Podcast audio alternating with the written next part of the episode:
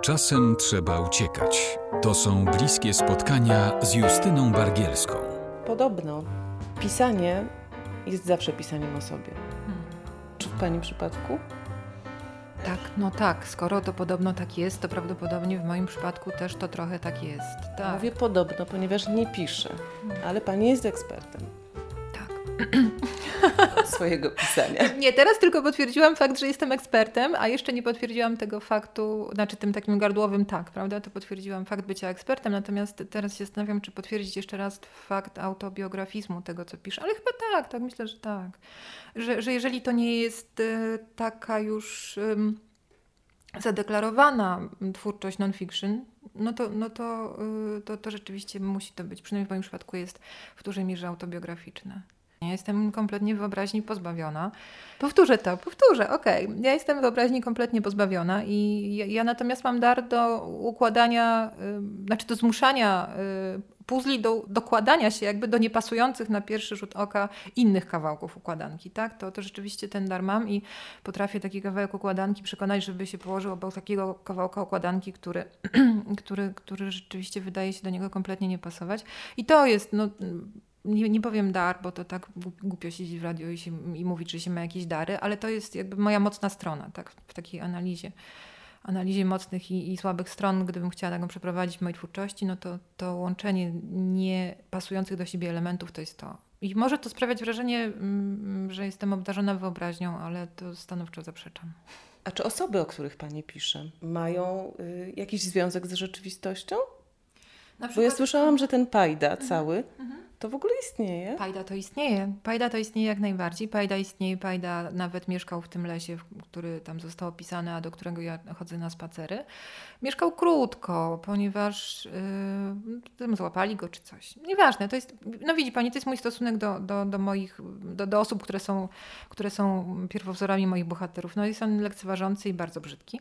Yy, rzeczywiście Pajda istnieje. Nawet kiedyś miałam okazję zobaczyć w internecie, jak Pajda wygląda i to był przykry moment dla mnie, ponieważ zobaczyłam w internecie, jak ten, on ma tam jakieś imię, inicjał, pseudonim Pajda, tak, wyglądał i obok niego wyglądał z tego samego, znaczy z, z, z takiego samego, takiego policyjnego zdjęcia jego taki wspólnik w zbrodni, Adrian.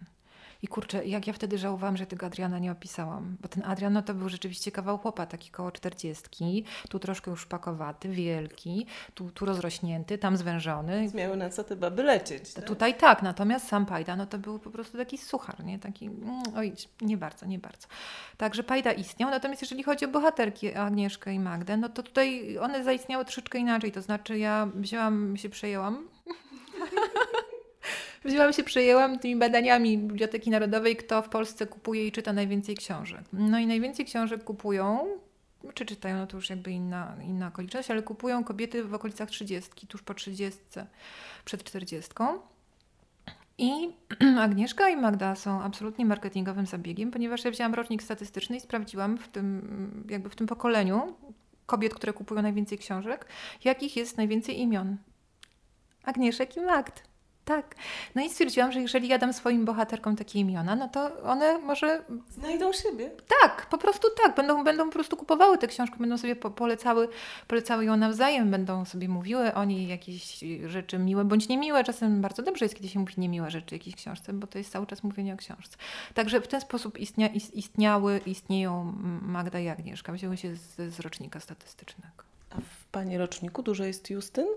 Ja miałam w klasie jeszcze jedną, i mm, przez całą podstawówkę byłam absolutnie pewna, że Justyna to jest co druga tak naprawdę, że, że jest bardzo dużo Justyny. Ale nie, teraz tak widzę, że, że, że, że nie jest nas, nas tak dużo. Natomiast teraz to już w ogóle nie ma Justyn. Teraz jakbym chciała wyjść gdzieś z dziećmi na plac zabaw i na przykład postanowiłabym siedzieć i czekać, aż ktoś zawoła swoje dziecko Justynka, no to mogłabym siedzieć przez tydzień. A to jest takie piękne imię, nie? E, tak, mam do niego pewien, mam do niego, dlatego tak westnęłam, że mam do niego pewien stosunek, ponieważ moja mama mi kiedyś wyjawiła, że miałam tak mieć na imię. No widzi pani. Ale babcia się uparła, żebym była Ewą. Byłam mm, jedną z trzech Ew w klasie. Miałyśmy jeszcze tak? chyba cztery Kaśki. Kaśki, nie Kaśki to tak, Agnieszki. Kaśki tak. Agnieszki, no właśnie no widzisz. Cztery Anie. Anie jeszcze było. Ani, u mnie było mniej wtedy. Ani, Ani, ja też nie chciałam Ani, Ani, bo Ania to takie jest miłe imię. Więc jest Rosalia. Rosalia. Y, a jest jeszcze syn. Jurek? Tak, Jurek. Ja też mam syna Jurka. Niemożliwe. A ile ma lat? No, dużo 12. Aha, czyli to jest jakby inny rzut Jurków.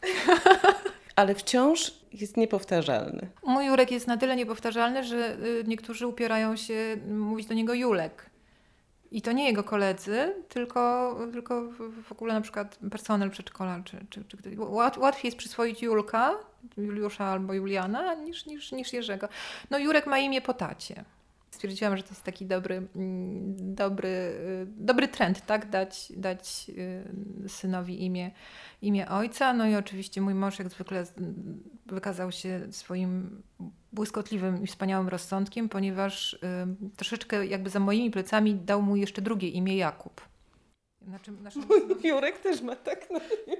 Naprawdę? Tak. Mój syn nazywa się Jerzy Jakub Stanek. Jerzy Jakub, tak. Jerzy Jakub nie Stanek, tylko Furgał. Ale tak się powinniśmy rozstać, bo to zaczyna być takie jak z tą autorką no, w Berlinie. Pani, jaki to jest, to jest, to jest ciężkie. To jest, jak, jak się znajduje takie, mm, takie podobieństwa, to potem człowiek zaczyna się tak dziwnie Niepokoić. Tak, nie? niepokoić. No jest, jest Jerzy Jakub, na wszelki wypadek, gdyby Jerzy poczuł, że jednak nie chce mieć na imię tak jak e, ojciec Jerzy i wtedy będzie mógł się nazywać tak jak dokładnie wszyscy. Wszyscy chłopcy. Wszyscy chłopcy, tak. I będzie, będzie Kubą. Tak, tak, tak się nazywa. Tak ma na imię mój syn. A historia imienia Rozali?